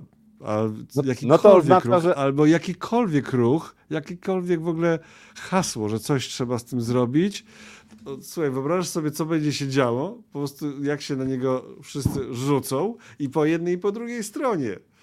To jest po prostu zamurowany temat. Będziemy żyć z tą niepewnością, jakbyśmy mieszkali pod jakimś wulkanem, a przecież no ludzie więc, mieszkają No więc mamy suwak, mamy odpływ pieniędzy z OFE, znaczy z rynków akcji, bo muszą sprzedawać e, akcje. E, no i jeżeli byśmy liczyli tylko na, na to, że właśnie PPK, PPK zapewni nam e, hossę, no to nie, to, to jest za mało. Hossę mam zapewni kapitał zagraniczny według mnie, jeżeli mówimy o WIG-20, to, to, to kapitał zagraniczny dostrzegający perspektywy polskiej gospodarki i potencjał firm, a nie to, co się dzieje z OFE i co się dzieje z PPK. Dobrze, że jest PPK, bo to będzie kompensować trochę ten uszczerbek, jeżeli chodzi o kapitały zaangażowane w WIG-20, y, który nastąpi ze względu na to, że OFE będą pozbywały się aktywów. Tak? Natomiast to nie jest tak, że PPK to już jest scenariusz wyłącznie na hostce na, na polskim giełdzie. Mhm. Czyli tutaj nie powiesz, na pewno to sprawi, że jesteśmy no skazani no nie, na sukces. No nie, no nie, no, nie. Jest. Mhm. Okej. Okay. Byliśmy w Stanach, byliśmy w Niemczech. E, było też pytanie o Włochy. No to teraz ruszamy do e, być może najpiękniejszego kraju świata. E, a co z prognozowaną tragedią włoską? Znaczy, to też jest, warto, warto zwrócić uwagę na, na czas. Znaczy, największym, największym wyzwaniem nie jest dostrzeżenie pewnych tendencji, które pojawiają się, tylko dużo większym wyzwaniem jest określenie w czasie, kiedy, kiedy pewne rzeczy, które mają miejsce w gospodarce, będą wpływały już tak mocno na e, gospodarkę, że pojawią się problemy. I e, jedną z rzeczy, którą ja biorę pod uwagę, jeżeli chodzi o gospodarkę Włoch, to jest przede wszystkim koszty obsługi długu. Też 140% długu do PKB rządowego to jest coś, co ze względu na to, że w 2020 roku, 2021 mieliśmy rekordowo niskie rentowności obligacji, to znaczy wtedy Włochy mogły się zadłużać z rentownościami, tak, obligacje dziesięcioletnie poniżej 1%, jak dobrze pamiętam, a 0,6 było w, w, w szczycie paniki takiej zakupowej, to rząd sobie zapewnił poduszkę, to znaczy na razie koszty obsługi długu są mniejsze niż były na przykład w latach 90. Znaczy pomijam, że jak były y, włoska lira, to zupełnie y, y, włoski lir. Lira. Nie? Lira. Włoski lir? A właśnie, bo to. włoski lir, bo turecka, turecka lira jest, no. a włoski lir. Mhm. E, I e, jeżeli popatrzymy z perspektywy, nawet jak już, jak już byli w strefie euro, tak, i jakie mieli koszty obsługi długu, to dużo większe mieli te koszty obsługi długu niż mają obecnie. I pytanie jest, przy jakich poziomach kosztu obsługi długu do PKB albo inaczej, jaka część e, dochodów budżetu będzie musiała być przeznaczona na e, obsługę długu, pojawią się problemy. I to się powinno pojawiać e, w tym roku albo w przyszłym, bo koszty obsługi długu, według mnie przy obecnych poziomach stóp procentowych w strefie euro, w tym roku przekroczą zdecydowanie w, w, we Włoszech 3%, w przyszłym roku prawdopodobnie przekroczą 4%. Znaczy po prostu będą musieli coraz drożej się zadłużać. I w pewnym momencie okaże... Y, kosztów, czyli rentowność Do PKB. 4, tak? A nie. 4, nie, 4% koszt obsługi długu rocznie to 4% jest 4% PKB. PKB. I to są poziomy, przy których zaczynają się problemy. Zresztą Amerykanie za półtora roku, może za dwa lata będą mieli podobny problem. Na razie się sfinansowali jeszcze dość tanio, E, natomiast już, e, już za chwilę, też ze względu na to, że mm, nawet jakby chcieli sprzedawać długoterminowe obligacje, to tam nie uplasują ich tyle, ile by chcieli, ale to są rentowności w Stanach na poziomie 4%, więc też te koszty obsługi długu będą rosły. I też te koszty obsługi długu w Stanach Zjednoczonych będą problemem, ale mniejszym niż e, we Włoszech. Dlaczego? Bo we Włoszech Włochy są postrzegane jako gospodarka, znaczy rynek bardziej ryzykowny zdecydowanie większość inwestorów pamięta 2011-2012 rok, czyli na granicy upadłości były w, w ogóle PIX, tak, czyli kraje południa Europy i inwestorzy o tym pamiętają. Znaczy młodsze pokolenie nie pamięta, znaczy nie wie, tak, niektórzy zapomnieli, ale generalnie jak pojawią się problemy związane z obsługą zadłużenia, to te problemy będą bardzo widoczne.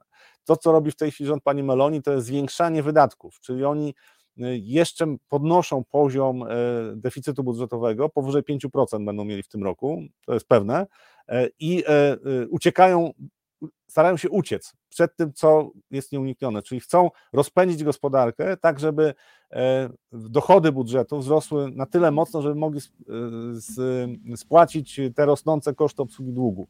W mojej ocenie to im się nie uda. To znaczy ta gospodarka ma za mało, jest za mało konkurencyjna, żeby ten, ten mm, pomysł się udał. Efekty będą takie, że dość szybko zadłużenie rządu do PKB zacznie rosnąć w stronę 150% i wtedy pewnie y, inwestorzy zaczną e, pozbywać się obligacji włoskich ponownie.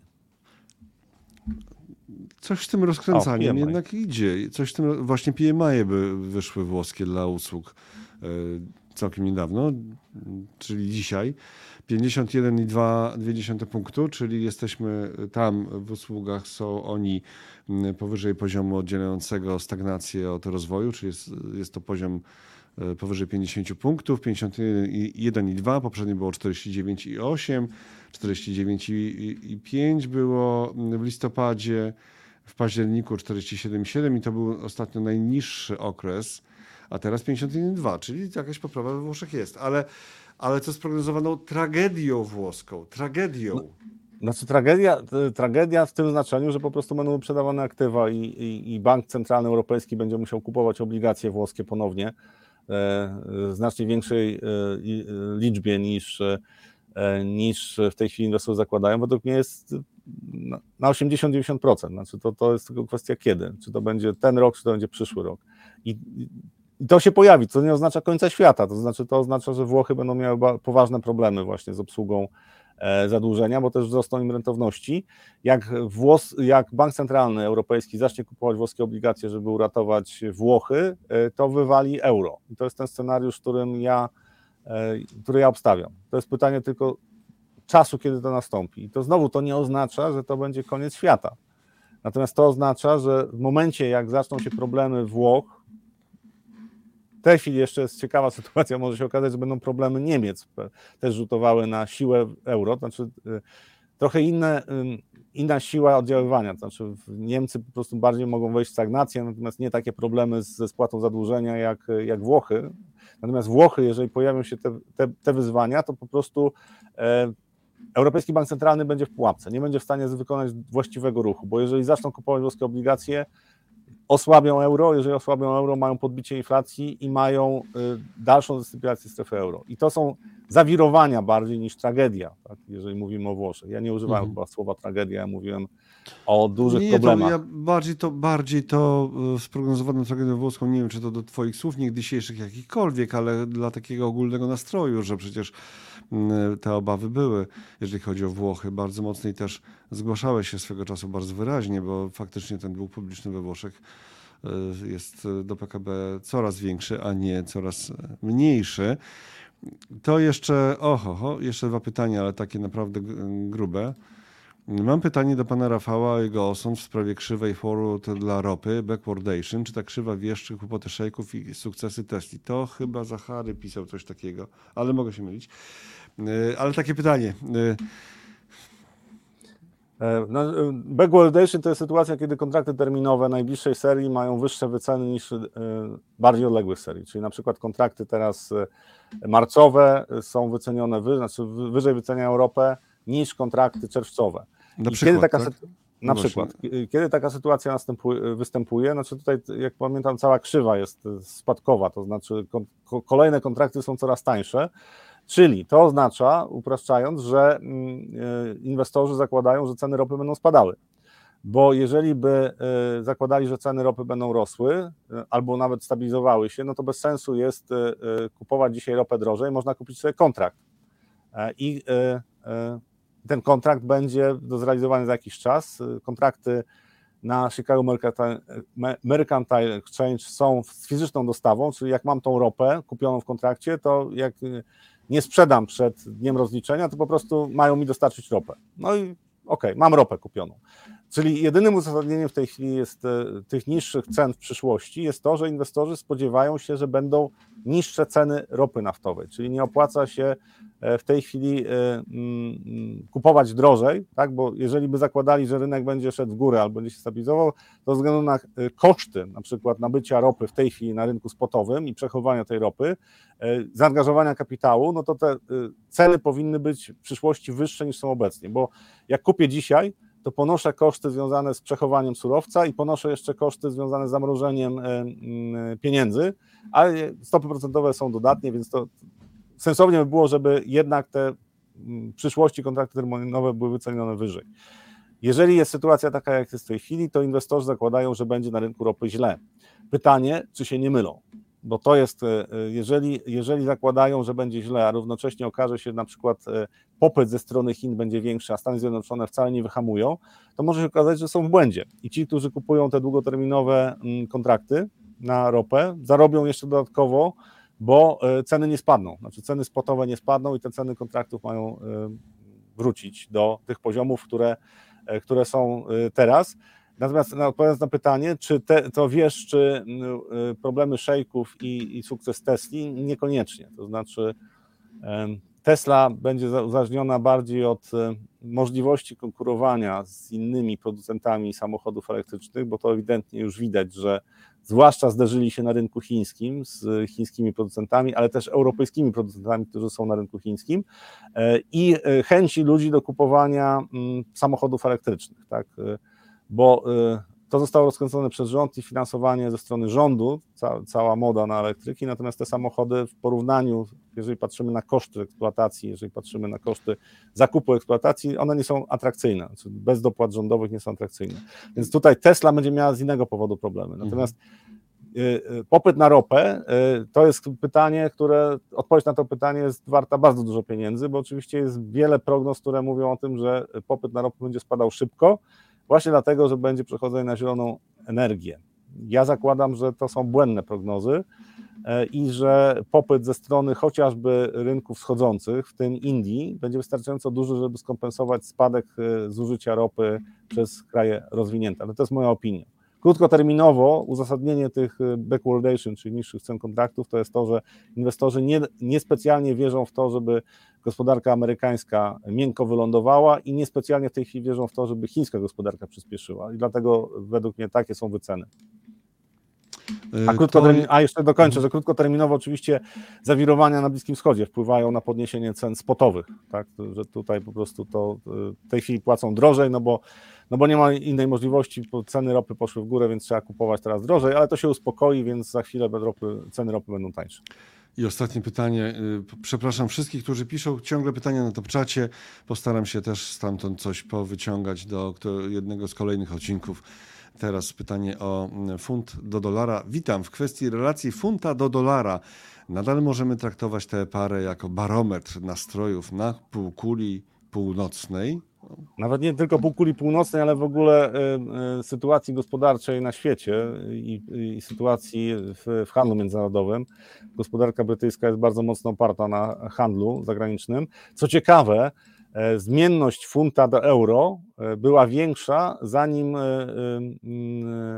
Wielka Brytania opuściła Unię Europejską. Tak? I ostatnie, ostatnie, tu jest funt dolar. Tak? Ostatnie miesiące, jeżeli patrzymy na eurofund, to to tam ta zmienność jest dużo mniejsza, czyli fund zachowuje się mniej więcej tak jak euro, czyli przekładając to na odpo odpowiedź na pytanie, y, i funt, i euro w tej chwili w mojej ocenie pokazują mniej więcej to samo. To znaczy, jak jest risk on na świecie, albo sentyment jest y, dobry, też perspektywy gospodarki są lepsze niż oczekiwane, i to się działo w ostatnim roku, praktycznie przez ubiegły rok, od października 2022 kiedy była pa panika na, e, przede wszystkim na rynku obligacji w Wielkiej Brytanii, e, ale to też było pogorszenie sentymentu w ogóle na, na, na rynkach światowych. Ten, pierwsza połowa 2022 to była bardzo słaba. Znaczy WIG20 też notował w październiku minima. E, I to pokazuje, że jak jest zły sentyment na świecie, to fund będzie wyprzedawany. Pytanie, jak szybko. W mojej ocenie cały czas to funkcjonuje. To znaczy w najbliższych, najbliższych kwartałach nie widzę możliwości, żeby fund się umacniał, jeżeli pogorszy się koniunktura gospodarcza na świecie albo wzrośnie risk off. Jeżeli będzie risk-off, to fund się będzie osłabiał, umacniał będzie się dolar, czyli wracamy do trendu spadkowego, w którym według mnie cały czas jesteśmy. Znaczy taki długoterminowy trend spadkowy według mnie na funcie to jest w ogóle od lat 70.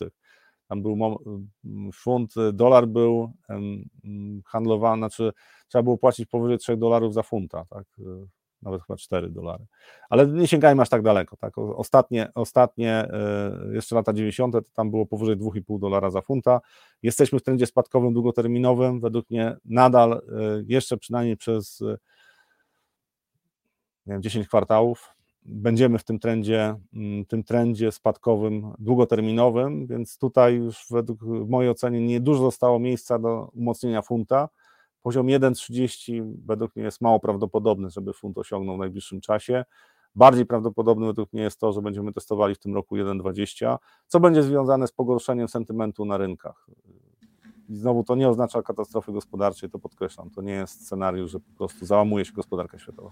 I proszę Państwa, mamy jeszcze ogłoszenia. Na koniec, e, by nie powiedzieć parafialne, w środę o 12 fundusze obligacji, które wybrać.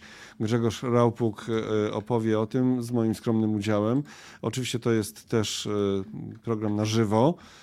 On jest na kanale YouTube'owym Platformy Inwestycyjnej Kup Fundusz. Zachęcamy do tego, żeby zajrzeć na żywo chociaż jak zawsze to większość osób ogląda już po fakcie, nie na żywo. Y, okej, okay, super. Też piszcie tam komentarze. Grzegorz Szałpuk intensywnie odpisuje na bardzo wiele z tych komentarzy, wyjaśnia, tłumaczy. Wszystkie pytania związane z inwestowaniem w fundusze inwestycyjne jak najbardziej pod tym adresem na kanale YouTube'owym Platformy Inwestycyjnej Kup Fundusz. Tym razem będzie w środę o 12. Najbliższą w komentarzach jest link fundusze obligacji, co wybrać. Y, I kolejna jeszcze sprawa, wysłałem właśnie przy przypominajkę, e, czyli post e, o tym, że mamy ankietę pewną i dla nas ta ankieta jest dość istotna. Zaraz e, parę słów o tym więcej. Ankieta, która jest na YouTubie. Mm, niektórzy mają problem ze znalezieniem. Teraz poszedł kolejne, kolejna przypominajka tego, tego posta z ankietą. Już e, tylko wyłączę, o właśnie, tego dolara i funta. E, to jest takie pytanie, czy kto by wpadł na spotkanie z Rafałem Bogusławskim, no nie tylko z Rafałem Bogusławskim, ze mną, z innymi osobami w trakcie FIO, Forum, Forum Inwestycji Osobistych. Forum Inwestycji Osobistych odbędzie się 5 marca. I tutaj w ramach tego FIO, które zasadniczo jest online'owe i bezpłatne, na zakończenie będzie spotkanie z Rafałem Bogusławskim e, i ono już nie będzie transmitowane. E, koszt 49 zł e, to nie jest, to jest opłata po prostu za infrastrukturę, trzeba to jakoś zorganizować. I pytamy, tak? Tak, przyjdę, nie, bo nie w moim mieście, nie wolę konferencji online, nie inny powód. Od tego, czy tu się zbierze jakaś taka grupa, która rzeczywiście by się na tych warunkach pojawiła w Galerii Młociny 5 marca, w teatrze WAM. Wszystko jest tutaj opisane w opisie tej sądy. Czy taka grupa się znajdzie, to takie spotkanie będzie albo nie będzie. O. Ale Forum Inwestycji Osobistych i tak się odbędzie 5 marca i jest to impreza online'owa e, i bezpłatna.